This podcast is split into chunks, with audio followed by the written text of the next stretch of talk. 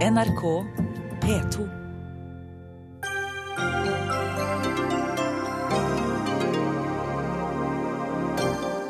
Mer politi og innleide vakter i gatene, det er oppskriften fra politiet og Oslo kommune for å stoppe ransbølgen. De borgerlige burde ikke ha kuttet ut byens tilbud til ungdom, mener Ap. Regjeringen fjerner tilbudet om gratis tannlegesjekk for eldre, setter svake grupper opp mot hverandre, sier tannlege og professor. Riksarkivaren vil lagre elevinformasjon for all fremtid. Vi må unngå at det som skjedde i skoletiden lever evig, sier Datatilsynet. Og Erna Solberg møtte Angela Merkel i Tyskland i dag. Forteller om møtet i Dagsnytt 18.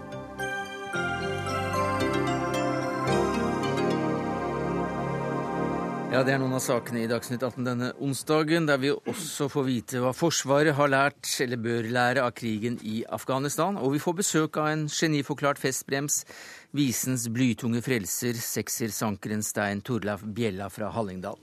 Men vi begynner med en av Oslos eh, skyggesider, for i dag holdt Oslo kommune og politiet en pressekonferanse der det ble lagt fram tiltak mot det som omtales som en ransbølge nå i høst i hovedstaden. De to siste månedene har eh, politiet fått inn over 150 anmeldelser om ran i eh, denne byen vår, og mange av disse er begått av barn under 18 år. Politimester Hans Sverre Sjøvold, eh, hvordan vil dere kjempe, bekjempe denne kriminaliteten nå? Ja, Vi hadde et godt møte med Oslo kommune i dag, og jeg registrerer jo at dette ransbølgebegrepet brukes mye. Det er det ikke riktig? Jeg syns det er noe unyansert, fordi vi har eh, hatt eh, mange ran i løpet av noen få måneder nå. Vi har en økning fra i fjor, men vi har år som har vært eh, verre enn dette her. Eh, og det er ille at det er ran, men, men eh, jeg syns nok kanskje dette bølgebegrepet begynner å bli litt uh, vanskelig å, å, å, forsvare nå. For det, det, er en opphoping, men ikke en bølge, slik jeg vil beskrive det. Ja, det er flere enn det var i fjor, og det er urovekkende mange. Det kan det vi, ha, vi ha, i bånn her. Så da er også spørsmålet hva er det smarteste trekket dere kan gjøre for å bekjempe dette? Det vi gjør, det er å jobbe ut fra tradisjonelle metoder som vi har i politiet. Vi har uh, satser på å bygge opp kompetanse. Vi har etablert en organisatorisk enhet. Vi uh, finner ut hvor disse ranene begås. Vi er opptatt av når de begås. Vi finner ut hvem som er uh, gjerningsmennene.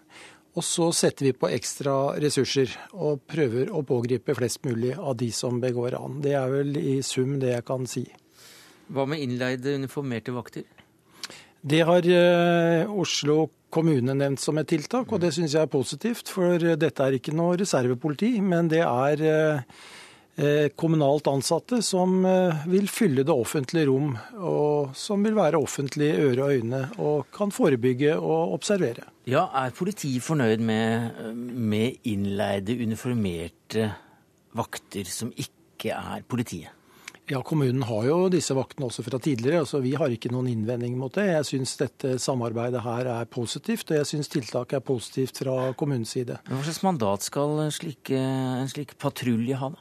Ja, De skal i hvert fall ikke være politi, og det var byråden eh, tydelig på tidligere i dag også. Men de skal eh, fylle det offentlige rom, observere og være til stede. Dere vil ha flere politifolk i, i gatene. Hvordan skal dere få det til? Ja, nå bruker vi jo ekstra ressurser. Altså vi bruker jo ekstra midler for å, for å sette folk på overtid, slik at vi både har flere i uniform og i sivil. Hvem er det som begår disse barna? Jeg ser at uh, en god del av prosenttallene her uh, peker mot, faktisk mot barn. Det er en del som er under 18 år, og det er en krevende gruppe for oss. Fordi uh, jo yngre barn blir, jo mindre egnet er våre tradisjonelle straffemetoder. Nå har vi riktignok hatt gjerningsmenn ned mot 16-17 år som har blitt varetektsfengslet. Men blir de yngre enn det, så er det jo barnevernet som må håndtere de. Men det er eh, barn under 16 år også? Det er det, ja. Så det er den gruppen som da ikke vi har så veldig mange virkemidler for å håndtere. Nei, for Jeg ser at Kåre Stølen, stasjonssjef ved Grønland politistasjon, uttalte i forrige uke til Dagbladet at barnevernet burde hatt større makt til å hjelpe politiet med forebyggende arbeid. Ja, det det er klart det er krevende også for barnevernet å jobbe på det forebyggende sporet. Men jeg vil jo fremheve det gode samarbeidet vi generelt sett har med kommunen når det gjelder forebygging blant barn og unge. Det som vel Jaha, også er en... Så, så du berømmer kommunen for det, det forebyggende arbeidet de gjør mot barn og unge? Eh, Oslo kommune og Oslo politidistrikt har et meget godt samarbeid som vi har hatt over år når det gjelder å forebygge eh, kriminalitet. Det som eh, selvfølgelig også er en utfordring for barnevernet, det er jo muligheter for å ha et tilbud hvor personer kan stenges inne. Ikke et fengsel, men, men hvor det er muligheter å låse døra, slik at man kan eh, forebygge nye kriminelle handlinger. Julebordsesongen står for tur? Ja, det gjør den. Det en, kan være en krevende periode for oss. Det behøver ikke nødvendigvis være det. Men det vi vet når det gjelder når ran begås, så er jo det natt til lørdag og natt til søndag. Det er det de aller fleste. Da er det mange som er på byen, og vi vet at et nokså normalt ransoffer er en person som er beruset. Så vi får håpe at det går bra.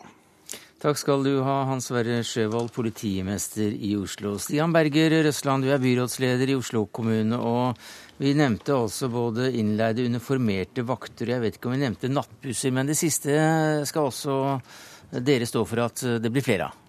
Ja, Vi øker kapasiteten på nattbusstilbudet i Oslo. Vi har jo allerede sånn at de to viktigste bussrutene våre kjører jo døgnet rundt eh, hele uken. Og så har vi et eh, nattilbud eh, rundt helgene, og der øker vi nå kapasiteten. Og vi setter også av en eh, egen pool med busser som kan settes inn hvis det skulle vise at det er mange i sentrum som ikke kommer seg hjem. Og det er et viktig tiltak, for det kan bidra til at folk som egentlig har bestemt seg for å gå hjem, faktisk kommer seg hjem og ikke blir værende i, i byen uten at de egentlig ønsker det. Eh, vi snakket med Sverre, Hans Sverre Sjøvold om eh, disse uniformerte vaktene som dere leier inn av kommunens egne ansatte. og Han ville ikke snakke om hva slags mandat eh, de skulle få av kommunen, men det kan vel du? Altså, det er jo overhodet ikke politifolk, og de har jo absolutt ingen politimyndighet. Men vi har gode erfaringer med det, og det vi mener at de, de gjør, er å bidra til at det er flere voksne, våkne øyne og øre rundt i byen eh, som kan eh, melde fra til politiet når og hvis eh, noe skulle oppstå. De bidrar tror jeg, også til en følelse av trygghet, i den forstand at befolkningen ikke opplever at man er eh, alene når vi går i, i byen, og at det er eh, voksne mennesker som er til, til stede og, og, har som jobb å være til stede. Men det er jo nødvendigvis slik at det viktigste tiltaket på denne siden er jo å øke polititilstedeværelsen. Og det opplever jeg at Oslo politidistrikt har tatt på alvor i den situasjonen vi nå er inne i, og har, har fått til det. Og i tillegg så har jo Eh, justisministeren eh, signalisert og vel fått vedtatt i Stortinget at eh, vi også får en økning i, i politiressursene til neste år på, på 100 millioner kroner, som også kommer til å gjøre et bidrag. Live Riiber-Moen, du er varaordfører i Oslo fra Arbeiderpartiet, og du er fornøyd med tiltakene Røsland presenterte tidligere i dag, men mener samtidig at sosialpolitikken til de borgerlige må bli bedre. Hvordan henger dette sammen? Jeg er jo enig med byrådslederen at uh, målet må jo være å få en tryggere hovedstad. Og det er helt uh, uholdbart, uh, den ransbølgen som vi nå har sett. Så Sånn sett så er jeg positiv til de tiltakene som byrådslederen i dag har foreslått, med flere nattbusser og flere byvakter. Selv om det er jo politiet først og fremst som må sørge for sikkerheten i byen. Jeg tror det er flere ting som er viktig at vi gjør. For det første så tar det i dag altfor lang tid fra man anmelder til politiet etterforsker, til man får domfellelse. Det betyr at ranere går eh, fri altfor lenge uten at samfunnet reagerer og sanksjonerer på eh, ran eller annen type kriminell atferd. Det andre er at barnevernet i altfor stor grad kommer for sent inn. Bekymringsmeldinger tar for lang tid å følge opp. Og når barnevernet endelig er inne i bildet, så iverksettes det hjelpetiltak som i litt for stor grad eh, er for små i forhold til de massive problemene som da eh, disse ungdommene representerer. Hva sier du til det, Russland? Jeg er langt på vei enig i mye av det eh, Librimon sier her, men jeg syns det hører med til bildet at eh, det langsiktig forebyggende arbeid som Oslo kommune og Oslo politidistrikt har sammen gjennom det vi kaller Salto, sammen lager vi et eh, tryggere Oslo, det har jo en viktig dimensjon i seg at det kobler politi, barnevern og skole. Eh, at man får mulighet til tidlig innsats der man ser at noen er på vei ut på skråplanet, og at man har en tung oppfølging når noen har eh, mm. havnet på feil side. Og vi har altså klart sammen vi må nesten slippe til eh, i her, var jo før i Oslo. I, i rådhuset. Unnskyld at vi avbryter deg. Ja, det er klart Salto-samarbeidet er veldig bra, men situasjonen vi har i Oslo i dag, er jo en helt åpenbar illustrasjon på at dette greier vi ikke bra nok. Ellers så hadde vi ikke hatt den ransbølgen som vi nå eh, faktisk har. Og jeg har jo da selv som prosjektleder for et barneranprosjekt fulgt da barneranere og deres vei inn i eh, barnevernet, og sett at i altfor stor grad så kommer man for sent i gang langt etter at den kriminelle løpebanen har startet. Og da er det langt vanskeligere å få til gode tiltak for å forebygge senere kriminalitet. Så vi må tidligere på, vi må tettere på, og vi må reagere etter første lovbrudd. Men, men, det her jeg syns uh, Librimoen uh, underkommuniserer det som er resultatet av Salto. Altså, vi har redusert barne- og ungdomskriminaliteten i Oslo fra 2006 med mellom 20 og 25% det er færre barne- og ungdomskriminelle i dag. De begår færre handlinger, og de utgjør en mindre andel av barne- og ungdomskriminaliteten enn de gjorde før. Så det er klart at Vi kan alltid bli bedre, og en av de tingene vi gjorde sammen med politiet i dag, var jo å si at vi ønsker å få et forskningsprosjekt som går dypere inn i motivasjonen til en del av de ranerne vi har sett nå. Hva er det som gjør at de gjør disse handlingene. Vi vet hvem de er, vi vet hva de gjør, og vi vet konsekvensene av dem. Vi vet lite om hva som motiverer eh, de ungdommene.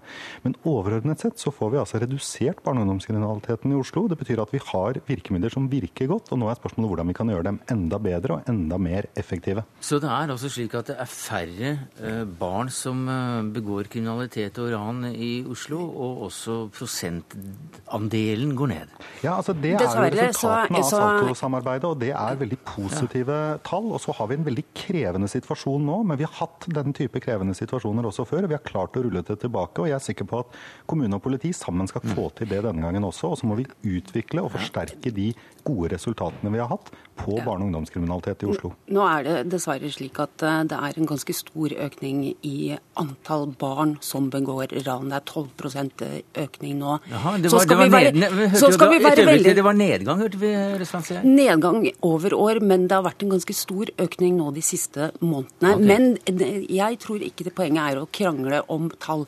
Eh, det som er det viktige, er at mange i Oslo opplever utrygghet.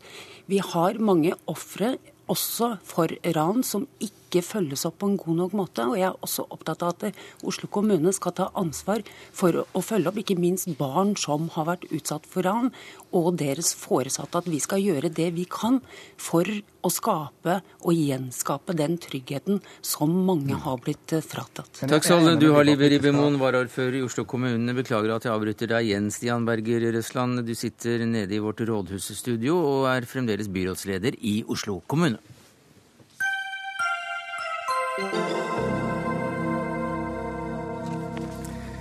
Ja, Hvis du er født 1.11. eller 21. i måneden, ja da kan du gå tilbake til grunnskolens mappe over deg og ditt og det du drev med.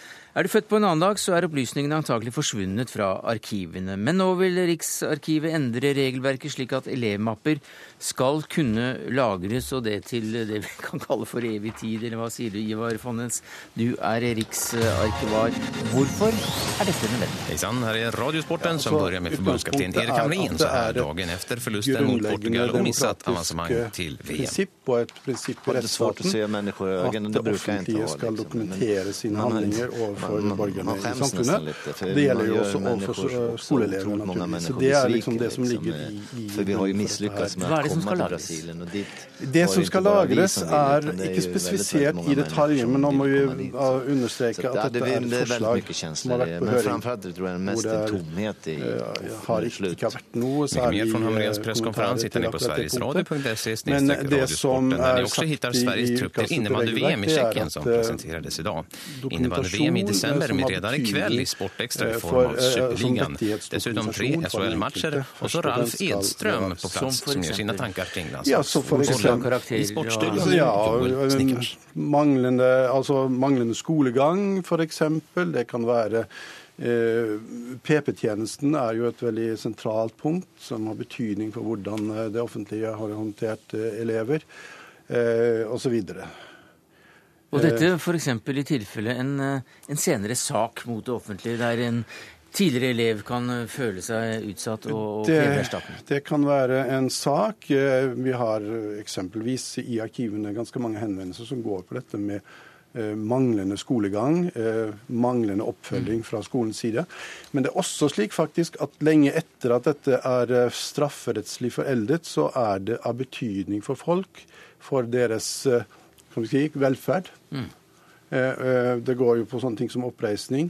Det er noen som sier at jeg trenger dette for å få sjelefred. Hvordan ble jeg behandlet? Jo, jeg ble ikke behandlet godt nok i skolesammenheng. Jeg trenger det for å få fred i sjelen.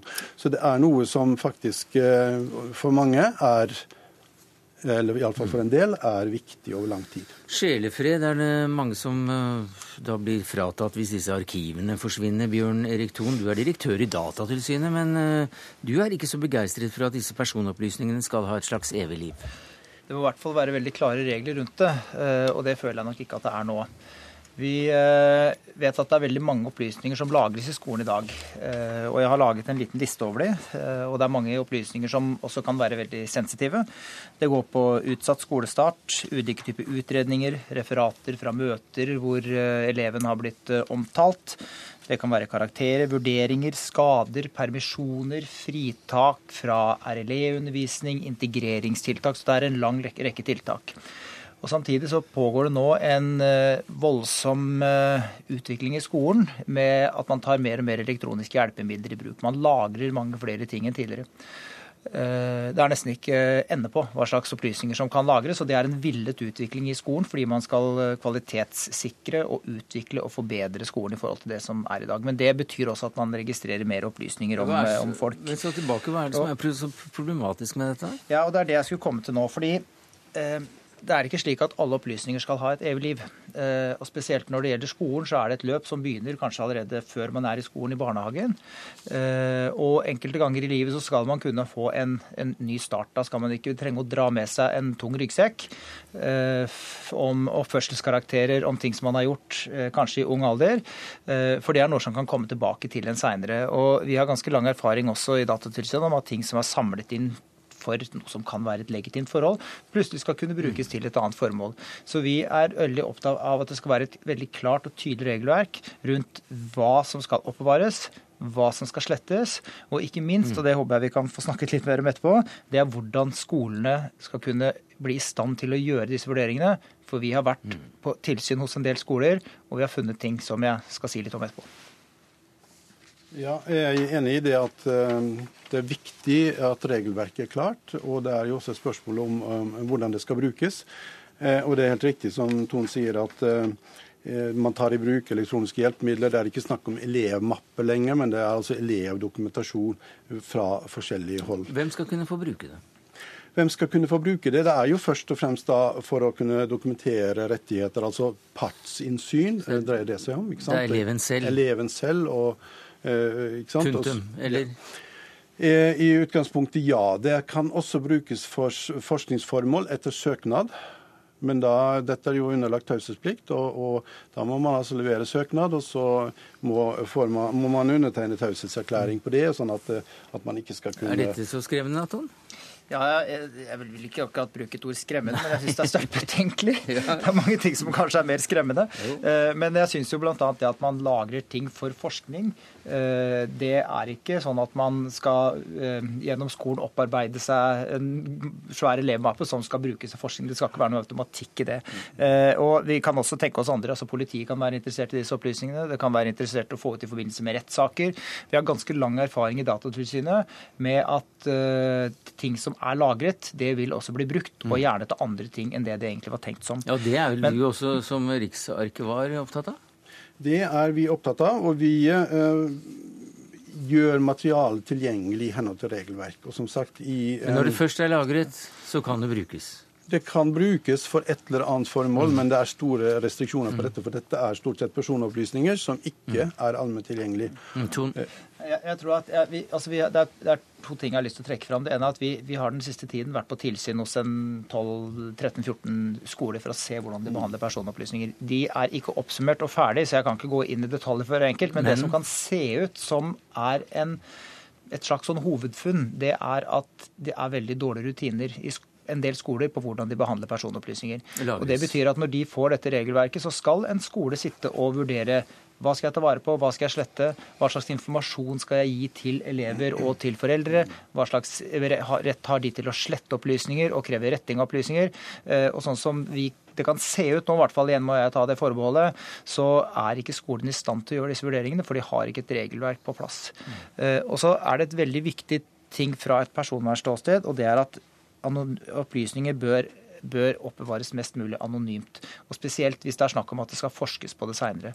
Eh, for tenk litt på hva slags opplysninger som egentlig ligger i disse mappene. Altså Det kan være elever med spesial behov og spesialundervisning. Det kan være fravær, det kan være integrering av minoritetselever, eller det kan være fritak fra RLE-fag. Det er ikke noe som automatisk skal kunne brukes på forskere, og i hvert fall ikke i den grad det er personnavn på det. Og Det er viktige, svært viktige prinsipper å få inn i dette regelverket. Jeg forstår eh, det slik, Bjørn Erik Thorn, som direktør i Datatilsynet, så avviser du ikke forslaget helt, men du skal eh, gjerne se både måten det lagres på, kriteriene for å lagres, og ikke minst hvem som skal ha tilgang til det. Det er en viktig observasjon. Takk skal du ha som eh, direktør direktør i Datatilsynet. Takk skal du ha, riksarkivar Ivar Fonnes.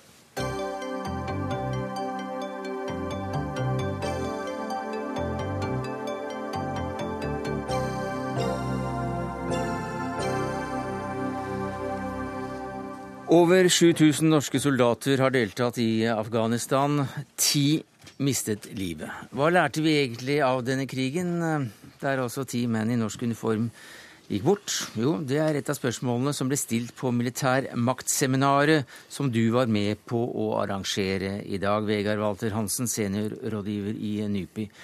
Hva er de viktigste lærdommene du vil trekke fram? Det er mange viktige lærdommer å, å trekke fram. Og, og, etter hvert så vil jo noen av disse lærdommene bli benyttet til å bedømme eh, hvordan hele den vestlige tilnærmingen har virket, og, og, og, på en måte evaluere det i historiens lys. Men det vi forsøkte å fokusere på i dag, var ett år før Nato-styrkene trekker seg ut, og begynne å tenke på hva slags lærdommer og erfaringer eh, vi har gjort. Hvordan dette eventuelt har endret Vesten og Nato, men mer spesielt for Norges del. Eh, Norges, utformingen av Norges sikkerhetspolitikk og innretningen av det norske forsvaret. Ja, det er ganske svære temaer. Det er svære temaer, og viktige ut, temaer. Vi skal plukke ut ett i dag, så kan vi komme tilbake til de andre etter hvert. Men eh, når det gjelder innretningen av det norske forsvaret, mm. som jo hele tiden er eh, under debatt, eh, hva mener dere at lærdommen fra Afghanistan er? Der har, har hovedlærdommen vært, tror jeg vi kan si, er at man ikke har lykkes uh, tilstrekkelig grad, på militær side heller, i å bidra til uh, å nå den overordnede politiske målsettingen, nemlig å sikre tilstrekkelig stabilitet og demokratiutvikling for Afghanistan. Uh, og det kan, som du innledningsvis nevnte, ikke bare måles i tapte norske soldaters liv, men også afghanske sivilbefolkningens tap.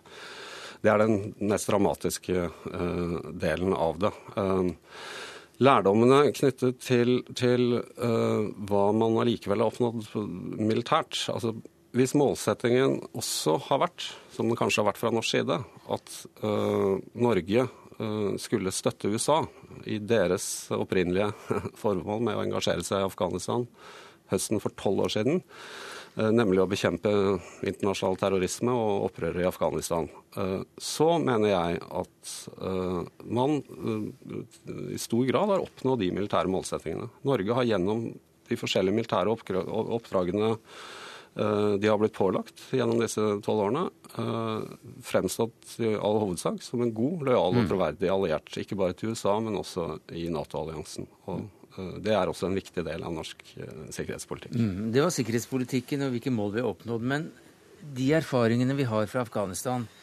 hvordan kan det spille inn i den løpende debatten om hva slags forsvar vi vil ha? Ja, og da er, da er jo spørsmålet om, øh, om de erfaringene vi har, og det forsvaret nå som har blitt formet etter tolv år i Afghanistan, om det er relevante for de oppdragene de har i dag, og, og kanskje øh, fremover vil få både i, i utenlandsoperasjoner og, og, og, her hjemme. Uh, og der er, uh, knytter det seg mye usikkerhet. Og også jeg er usikker på hvor relevante de erfaringene vil være. Hæren spesielt har jo utviklet seg mye disse tolv årene. og er nå altså en, en, mobil innsatsstyrke som er i stand til å drive høyintensitetsstrid nærmest hvor som helst i verden. og disse tolv årene har jo også formet en generasjon med offiserer og soldater. Eh, og deres tankesett, eh, ikke bare militære erfaringer, og deres tankesett og holdninger er formet mm. av dette. Sverre Disen, du er tidligere forsvarssjef. og hvis vi spør litt annerledes La oss si at du kom inn i prosessen der man virkelig skulle lage et nytt norsk forsvar. Mm. Og du hadde erfaringene du i dag har fra Afghanistan-krigen eller operasjonen, eller kall det hva du vil. Hva annerledes i forsvarssystemet, strukturen, eh, ville du valgt? Da tror jeg det er viktig å være klar over at uh, i den si, større strategiske og politiske sammenheng, så er jo krigen i Afghanistan uh, helt irrelevant for utformingen av det norske forsvaret. Ja. Uh, det norske forsvaret skal være et krisehåndteringsinstrument eh, for å kunne skal vi si, sette en terskel mot utenlandsk militært press eller, eller, tvangsdiplomati mot Norge i det som da vil være en antagelig kort, intens eller som vi sier høyintensiv eh, militæroperasjon, eh, som har svært lite til felles med det som har foregått i Afghanistan. Som er en lavintensitets opprørsbekjempelse. Eh, og eh, som et lite land så er jo vi nødt til å, å, legge én sikkerhetspolitisk forutsetning til grunn for utformingen av Forsvaret. Det bør være de oppgavene vi står overfor her hjemme.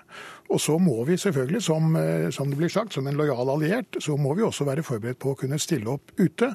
Men da må vi gjøre det ved tillempet bruk av et forsvar som er designet og satt sammen og utrustet i stor grad for å operere her hjemme. Men så er det jo selvfølgelig også sånn at på lavt nivå, på, si, på grunnplanet, da, eh, på det, det vi kaller det stridstekniske, taktiske nivå.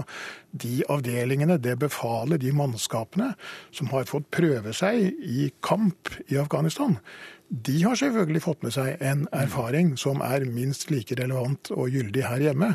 For det, det har jo å gjøre med skal vi si, den opplevelsen det er å bli skutt på. Å skulle operere som en militær avdeling under eh, kamp og i strid. Og det er, som det helt riktig blir sagt, det er jo eh, for den enkelte soldat alltid høyintensivt. Mm. Det å bli skutt på er høyintensivt uansett hvor du er. Men eh, mer konkret, hvis det går an å bli mer konkret, altså hvordan vil det norske forsvaret sett ut hvis vi skulle få måloppnåelse også for uh, mest mulig grad av, av, det vi gjør her hjemme, uh, sett i lys av det som har skjedd i Afghanistan? Ja, da bør vi altså etter mitt skjønn ikke forandre noe som helst Nei. Eh, på grunnlag av erfaringene i Afghanistan. I hvert fall ikke for så vidt angår Forsvarets sammensetning. Altså hva slags våpensystemer skal det bestå av, i hvilket forhold til hverandre. Eh, hva slags eh, operative doktriner og konsepter skal vi ha. Alt det der bør helt og holdent tilpasses de oppgavene vi har her hjemme. Og så er det altså nettopp det som er den, den lille allierte nasjons utfordring, nemlig å, når man står overfor en oppgave som i Afghanistan da, er helt annerledes. Da er vi altså nødt til å finne en tillempet bruk av dette forsvaret her hjemme til dette formålet. Og det er det mulig å få til, eh, uten å så å si omstille Forsvaret Eh, fullstendig hver gang vi skal ut i den type operasjon. Hansen. Ja, eh, jeg er, jeg er langt, på vei, eh, langt, på vei, enig i det. Samtidig så, så tror jeg det er, er viktig, selv om forsvaret av Norge. Selv om Hæren ikke lenger har det territorielle ansvaret for det territorielle forsvaret av Norge, så vil det være en hovedoppgave for Hæren.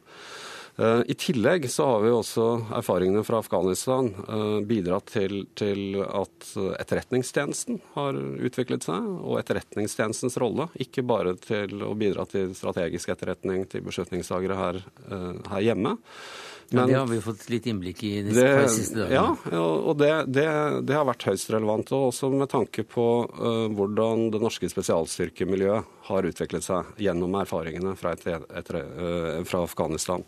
Og spesielt uh, i samarbeid med etterretningstjenestene, vil jeg si. for spesialstyrkeoperasjoner i dag er er, eh, er, i høy grad etterretningsdrevet. Både i planleggingsfasen og gjennomføringsfasen så er det helt, helt mm. vesentlig. Så, sånn at, eh, at, eh, totalt sett så tror jeg både Forsvaret og alle Forsvarets ressurser har lært mye av, av Afghanistan. Og ikke minst da at vi har gjort disse erfaringene med allierte også. Det mm. vil være relevant, ikke bare for øvelser i våre nærområder, men, men hvis det skulle komme til en, en konflikt her, eller at vi må dra på, på, uten, på, utenlandsoperasjoner igjen. Og Det er jo ikke utenkelig at eh, det kan mm. være aktuelt eh, både i Vest-Afrika og i Midtøsten. Takk skal du ha, Vegard Walter Hansen, seniorrådgiver i NUPI. Takk til deg, Sverre Disen, tidligere forsvarssjef.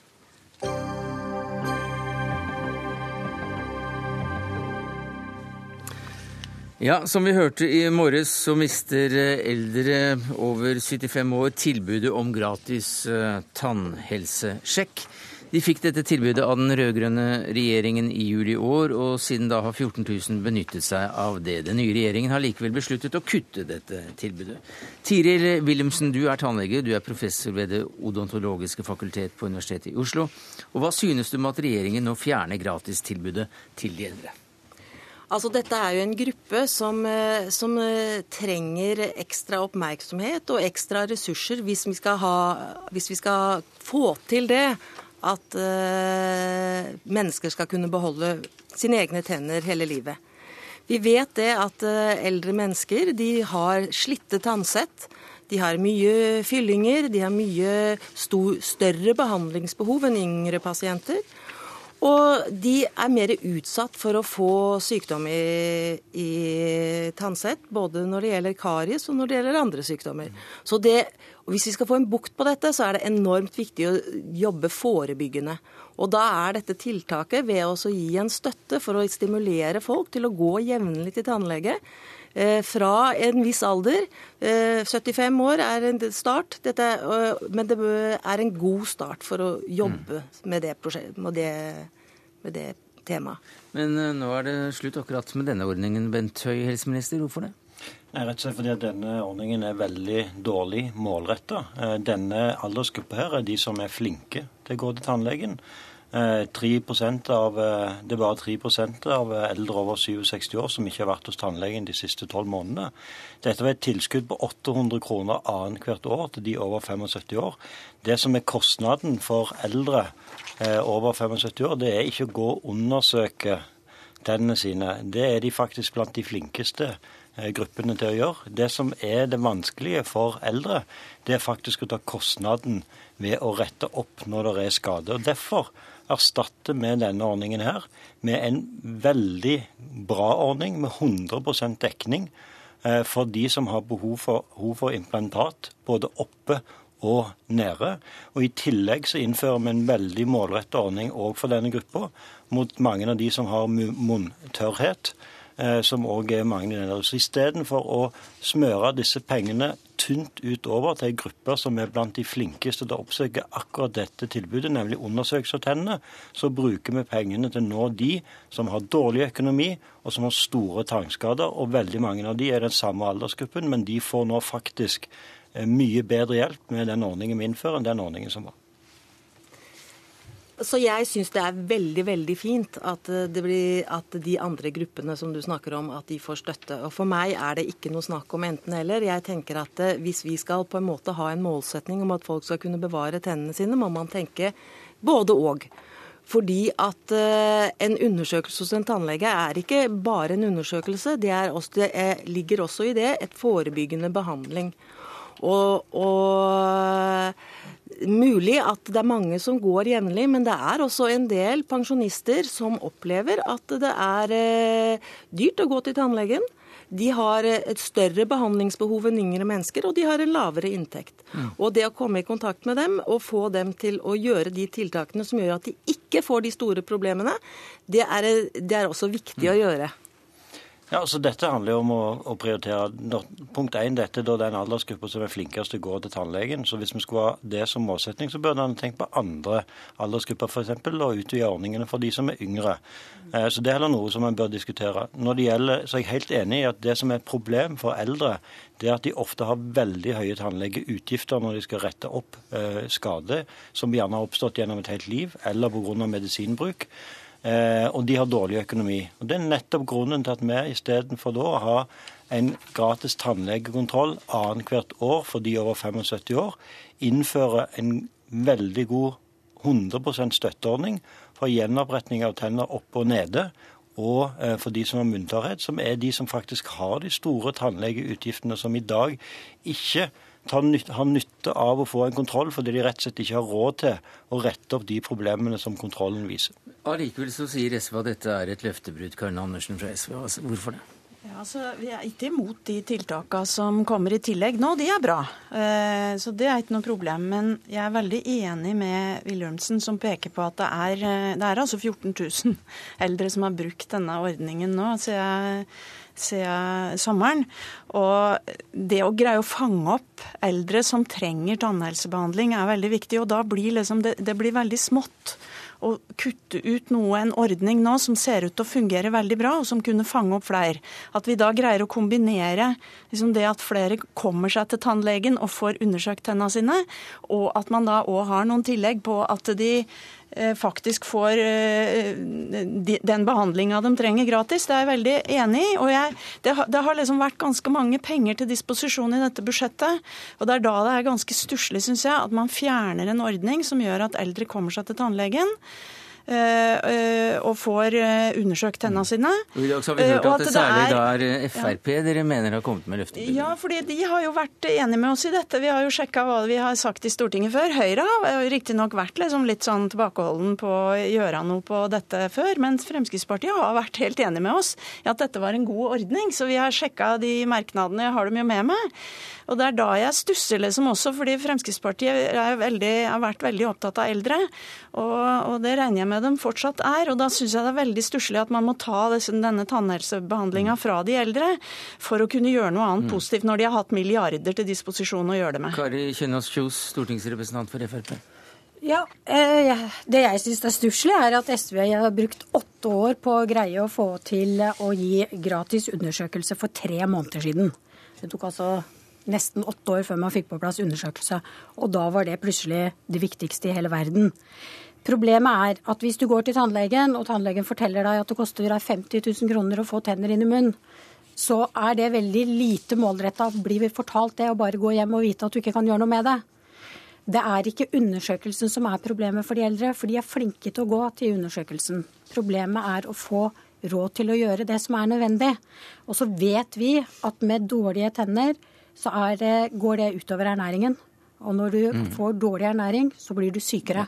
Dette... Sånn at dette henger så utrolig sammen. Og når vi da Og jeg har lyst til å også arrestere SV litt på, fordi vi legger inn ekstra penger. Vi sier faktisk at folk skal få eh, tenner både oppe og nede i munnen, fordi vi syns det kanskje er litt viktig å ha både opp og nede. Og det, det dekker vi nå, fordi det er mye viktigere. Mm. Uh, og det er en viktig prioritering. Mm. Det er en viktig prioritering, ja, ja, det, det, og Jeg har ikke tatt, uh, kritisert overhodet de tiltakene som dere legger på bordet nå. Men jeg syns det er stusslig at man må fjerne disse pengene til, den, til undersøkelsen, når dere har hatt så mye penger til disposisjon nå. Og, og det å fjerne en ordning Først så kritiserer du at den kommer for seint. Men når ordningen først kommer, så er det liksom galt, det også. Her trengs begge deler. Fordi det er mange eldre som ikke går til tannlegen. Og det er viktig å få fanga dette opp mm. tidlig.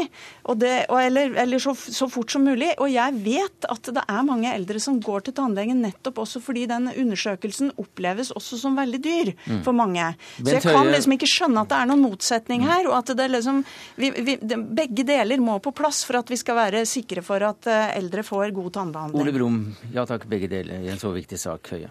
Ja, det klarte ikke SV å få til når de satt i regjering sjøl. Eh, I valget mellom dette så valgte SV å støtte 800 kroner annethvert år til pasienter over 75 år, mens vår ordning innebærer at enkeltpasienter kan få dekka 40 000-50 000 for å få hjelp eh, når de faktisk har tannhelseproblemer. Sånn at eh, det som er stusslig, det er at SV i regjering prioriterte å smøre disse pengene tynt ut til den aldersgruppa som er flinkest til å oppsøke tannhelse, men de ikke evna å prioritere de som faktisk har store tannhelseutgifter og dårlig økonomi. Og det er stusslig. Ja, nå, nå, er det sånn, Bent Høie, at dere har hatt har flere milliarder å ta av i det budsjettet dere har, enn det vi hadde. Og da går det faktisk Nei, nå, nå Vi klarte dette på tre uker. Ja, du hadde åtte år på ja, deg. Men da burde du også klart å la denne eh, tannhelseundersøkelsen få lov til å ligge der. For den er veldig viktig for mange eldre. Du sier hele tida at dette er den gruppa som er flinkest til å gå til tannlegen. Det er mange som ikke gjør det. Og dette er den gruppa der det er vanskelig å eh, ha tannproblemer. Det er mange negative følger med seg, som tannlegen her sier. Så Derfor så syns jeg at det blir stusslig når man ikke greier å la denne, dette tilbudet om å få undersøkelsen ligge der, og at man hadde disse millionene kroner her til dette istedenfor noen av de andre eh, tingene dere har brukt penger på, f.eks. de aller rikeste her i mm. landet. Da vil jeg heller bruke pengene på de eldste her i landet. Ja, altså, jeg synes Det er viktig å minne på også at SV tok altså fra de aller sykeste menneskene for å finansiere denne undersøkelsen. De fjernet særfradrag for ekstra store sykdomsutgifter for kronisk syke og de som men har store utgifter. Men det er en litt annen skål. Er, nei, det er det ikke. For de tok de pengene, og så finansierte de undersøkelse. Eh, gratis undersøkelse for eldre som faktisk har gjort det på eget initiativ selv tidligere.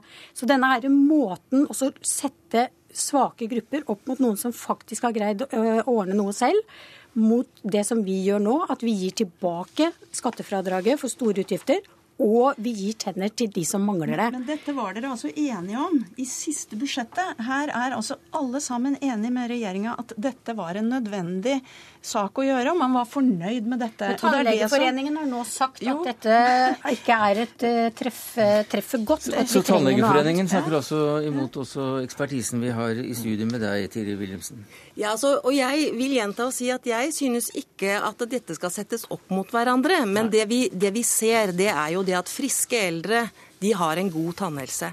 Mm. Så skjer det noe hvor de på en måte ganske langsomt blir sykere. De får en tablett, og så en, skjer det noe, og så får man flere medisiner. På et eller annet tidspunkt der så skjer det noe med spyttproduksjonen som er ganske vanskelig å måle. Det er veldig vanskelig å se når dette setter inn, dette her med hvor forfallet i tannhelsen kan gå ganske fort, og man trenger veldig mye mm. behandling. Så, men hvis man jobber forebyggende, og det er det som skiller disse to tingene Det ene er å satse på forebyggende virksomhet, hvor man forebygger at de som er 75 i dag, for vi snakker ikke om 75-åringer, vi snakker om de som er over 75, at når de er 95, så har de fulgt et program, og de har, blitt, fått, de har brukt et forebyggende program som kanskje kan gi ganske god helse både for individet og kanskje spare penger og være bra på lang sikt for alle. Takk skal du ha, Tiril Wilhelmsen. Takk til Bent Høie, Kari Kjønaas Kjos og Karin Andersen.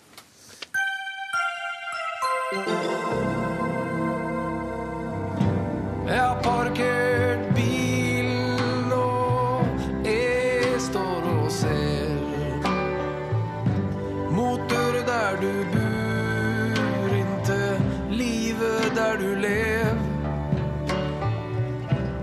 Det her var det tegnet som jeg venta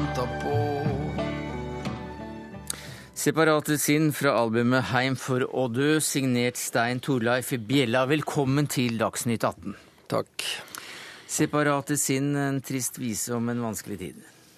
Ja, jeg, jeg liker slike visu, så jeg blir aldri lei deg heller, ser det ut til. Heim for å dø, heller ingen vorspiel-tittel. Heim for å døy. Døy, unnskyld. Ja, det er en, en bra tittel for meg. Men, Men hvor har du vært? Altså Heim for å dø? Eh, hvor jeg har vært hen? Ja, altså Hvor har du vært siden du skal hjem for å dø? Å ja, slik. Jeg, jeg har jo ikke tenkt på noen endestasjon sjøl i det hele tatt ennå. Men det var jo en, en tittel som jeg fikk servert av et menneske, som jeg ble veldig i stuss når hun sa at hun skulle flytte hjem for å dø. Mm. Og dermed så uh, følte jeg at um, ja, mye på det albumet datt på plass med den tittelen. Og den uh, tittelen har altså da uh, Det, det er tittelen på din, din, tredje plate på, på seks år. Mm. Heidersmenn 2009, Vonde visu 2011 og Heim for å dø er altså årets plate. Og de har jo fått kjempegode kritikker, eh, og flere seksere enn eh, selv du som er bredskuldret og muskuløs eh, får plass til tatoveringer av, av seksertall. Men hva slags plater er dette her, når du selv ser de under ett? For meg er det sanger som jeg har sittet og laga hjemme ved kjøkkenbordet, stort sett. og den eh, stemningen har vel eh, produsenten forsøkt å ta med inn i studio. Så de er jo veldig akustiske og litt tett på i uttrykket sitt, da, selv om det har vært en slags utvikling gjennom de tre albuma.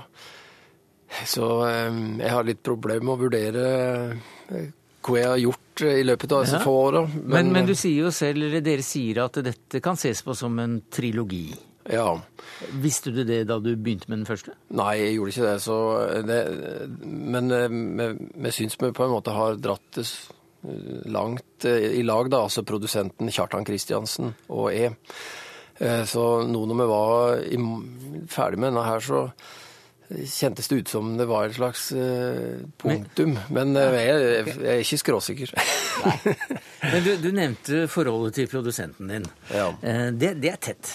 Ja, det, det, har vært det. Så han, han utfordra meg jo litt tidlig. For han hadde hørt sanger fra meg også, altså tidligere, men så tok han på en måte tak i meg og tok kontakt da, i 2007. Og um, så han har, I tillegg til å være en instrumentalist, eh, så er han jo òg veldig tekstinteressert. Mm. Har fått vunnet mange priser selv eh, ja, for tekstene sine. Ja visst. Så det er, vel, det er vel særlig det at han har vært såpass eh, nysgjerrig på innholdet i sangene, da. Mm. Så da har han liksom et, en å skrive for. Det er vel litt slik.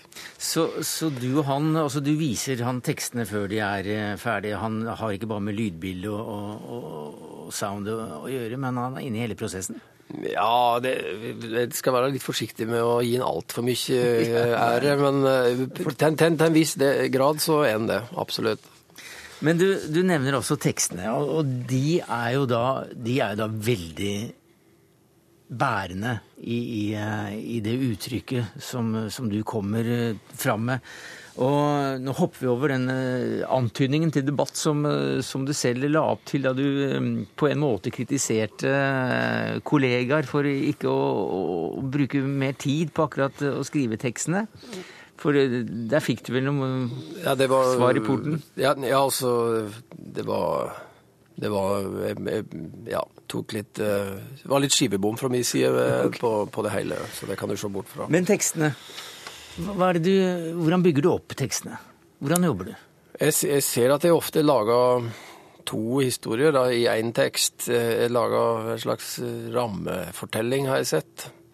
I ettertid ser jeg at jeg har gjort det. altså At jeg f.eks. skriver om en, en, biltur fra Ål til, til Hokksund via Eggedal og hjem igjen. Og så i den bilturen så eh, klarer jeg å flette inn eh, viktige ting om eh, kjærleiken og, eh, og trøbbel og eh, glede om hverandre. Så det er på en måte en slags rammefortelling. Og så klarer ja, På de mest vellykka sangene så har jeg vel kanskje lykkes med dette mm. her. Mm. Ja, For det blir jo da noen små noveller av noen, av noen tekster? Ja, det kan man nok si. Men samtidig så er det jo veldig mye trist og leit her, da. Ja, det har nesten gått sport i det, skulle jeg si. Det, ja. det har liksom reindyrka en estetikk. og det er, det, det er, mye svart humor, da. Og for meg er det veldig mye svart humor. Og ja. det er nesten så jeg blir brydd når folk eh, Ja, de regner jo med at jeg synger utelukkende om meg sjøl og, og ja, mitt. Ja. Og for jeg iscenesetter meg jo som i første person. Og, mm. Men for meg så er det altså et eh, et slags ehm, ja, landskap av mange personer. En, hvor sang har sin sanghelt, og så har jeg laga ei men, men jeg, i en sang så vil jeg at det skal være tydelig. Det skal jo være over på tre minutter eller fire minutter. Ja. Slik at eh, hvis du skal skrive om en skuffa figur, så, så har jeg på en måte laga han forferdelig skuffa. Ja, for vi trenger ikke å synes riktig så synd på deg. Nei, ikke Nei. gjør det. Vær så snill. Jeg, jeg har det helt ja. du, vi, eh, vi, har jo nå hørt tre eh, plater. To av dem har fått Spellemannprisen. Eh, og du sier selv at dette kan være et punktum for akkurat eh, den delen av universet ditt som, som låtskriver. Ja, men jeg, hadde i hvert fall, jeg har i hvert fall behov for å, å liksom sette en litt stopp, bare for å se om jeg klarer å komme videre til noe nytt. Til noe annet. Mm. Og hva kan det bli? Det er um, akkurat det jeg har lyst til å være helt åpen for. Så det, er litt, eh, det veit jeg ikke akkurat nå. Det blir spennende. Stein Torleif Bjella, plateartist, melodimaker, tekstforfatter. Vi har en eh, statsminister som venter på oss eh, på tråden fra Tyskland, så vi sier takk skal du ha. Takk.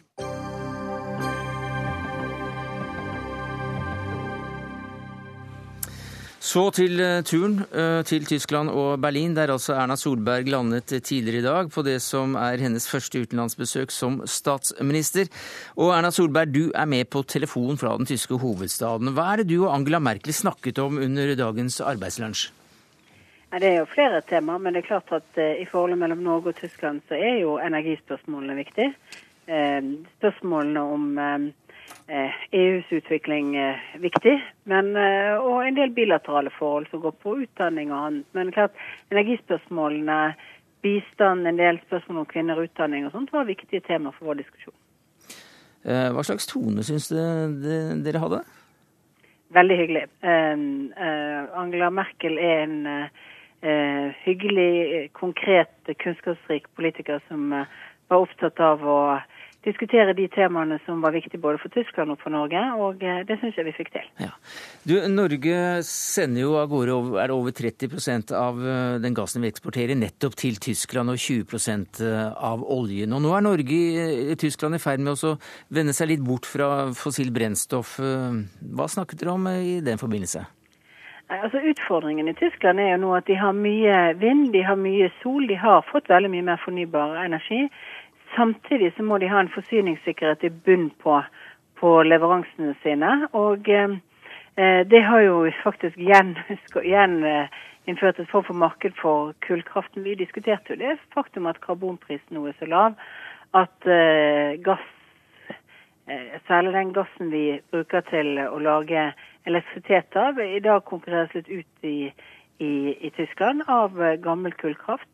Og den fremtidige situasjonen i Tyskland er jo at de da skal lage et eh, system for uh, hvordan de skal ha beredskap og forsyningssikkerhet uh, når det er lite sol og, og, og annet. Og den, det markedet eller den mekanismen de lager for det, er det jo viktig at vi kommer inn både i forhold til gass og ikke minst i forhold til overføringskabel. Ja, Hva vil det være viktig for Norge akkurat når det gjelder f.eks.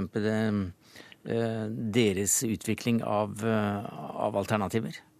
Det viktige her er jo at Eh, den typen fornybare eh, energikilder, den, den, kan du jo ikke lagre energien på. Ikke, eh, den, den, drives og skapes når det er sol, når det er vind.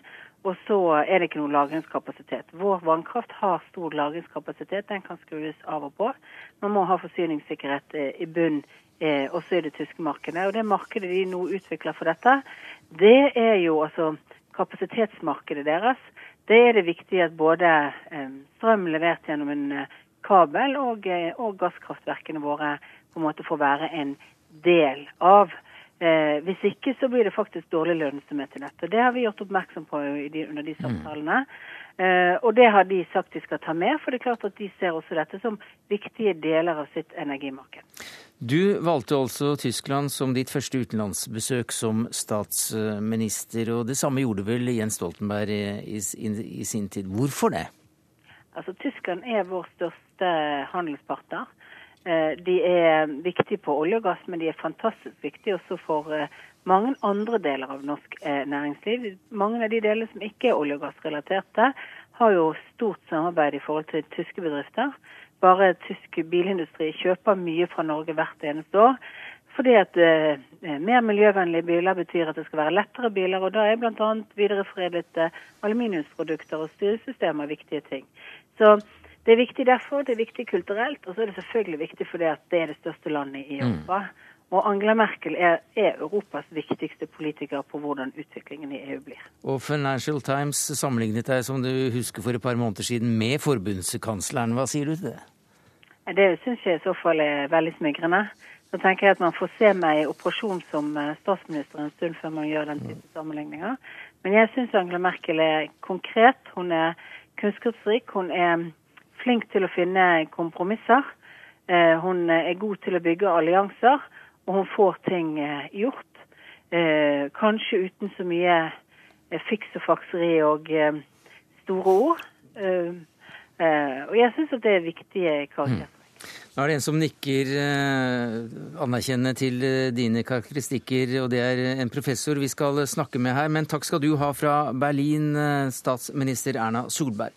Erik Oddvar Eriksen, professor også, og direktør ved Arena senter for europaforskning ved Universitetet i Oslo. Hva synes du om den sammenligningen? Jo, altså den er jo ganske god. Altså, altså de er jo eh, praktiske og jordnære personer begge to. er opptatt av å få noe gjort, altså, ut, og uten så mye prinsipiell tenking, og heller ikke så mye sånne eh, store ovasjoner. Altså, så, sånn at det, det, er jo litt sånn eh, litt sånn, litt sånn galt sagt, men altså, de er litt lite sta, eh, sånn statsmannsaktige over, over, de begge. altså ja. på, på, det viset at de er opptatt av å få løst noen problemer, og ikke, og ikke vil vise seg fram på, på, på noen som helst måte. Hva slags eh, problemer kan Tyskland hjelpe Norge med å få løst? Ja, det er jo litt sånn det er jo eh, merkelig ja, Det er jo en problemstilling, det også. Altså, Norge er jo ikke med i det gode selskapet i Europa, som så, med at de ikke er medlem i EU. slik at eh, det at eh, vi har et godt forhold til Tyskland, gjør at det kan være lettere å få gjennomslag for norske interesser i, i EU og få de ivaretatt. Ja, vet så, vi at Tyskland av og til snakker eh, vår sak, så å si, ja. inn i de, de, store forsamlingene? Ja, altså, så der er, en, der er, der er kontaktpunkter der, og det er holdt sånne det har vi rapporter om. Altså. Så, det, mm. så, det, er riktig. Og, og det er et godt, godt forhold som sådan altså, mellom de. Og det, og det, var jo med Stoltenberg også. Stoltenberg hadde jo en heltestatus i, i Tyskland. Så, så en av de mine kollegaer, og det første han gjorde etter valget, det var, det var jo å, å, å, sende mail om hvordan i himmelens navn kunne, kunne, dette skje i Norge med en sånn suksessrik eh, eh statsminister som, som, vi hadde. At Stoltenberg tapte? Ja, Stoltenberg tapte, ikke sant. Og vi fikk inn Erna Solberg, og det, det, det forsto de ikke spesielt godt. altså. Men, eh, men, eh, men, men Stoltenberg var jo, hadde et godt forhold til de, og var jo sosialdemokrat, og, og, og, og Erna Solberg er jo også et, et, har jo bevega partiet partiet sitt inn mot midten også, sånn at de, er, de, står ikke så langt fra hverandre politisk. Så det er høyrepartier som går mot midten? Ja. Mm. Eh, Norge har jo hatt eh, strålende handelsforbindelser med Tyskland i ganske mange ja. år. Eh, hvalrosstenner og ikke minst tørrfisk og Hansatiden eh, og, og, alt det der. Eh, råstoffleverandør hele veien. Ja. Eh, og det vil vi kanskje fortsette med å være? Ja, det er jo et problem med den tilknytninga vi har til, til EU også nå. Sånn at, at, at, at, det er vanskelig å, å få bearbeida f.eks. fiskeprodukter og sånn, for, fordi at det blir høyere tollbarrierer. Så eh, Norge er nok en råstoffleverandør, og på energisida er, er, vi jo en stabil leverandør. altså Det er jo helt riktig. altså Det er jo ikke over 20 Jeg tror det er under 30% altså energileveranser som kommer, gass, gassleveranser som kommer fra Norge. Men, mm. men og de, de, betyr jo noe, iallfall for stabiliteten og sikkerheten. Men, men ja. Jeg vinker deg av, for tida vår er dessverre ute. Erik Oddvar Eriksen, professor og direktør for Arena. Det var det vi rakk i Dagsnytt 18 takket være Sire Storstein Hytten, Mai Anne Myrhold og Sverre Tomrade.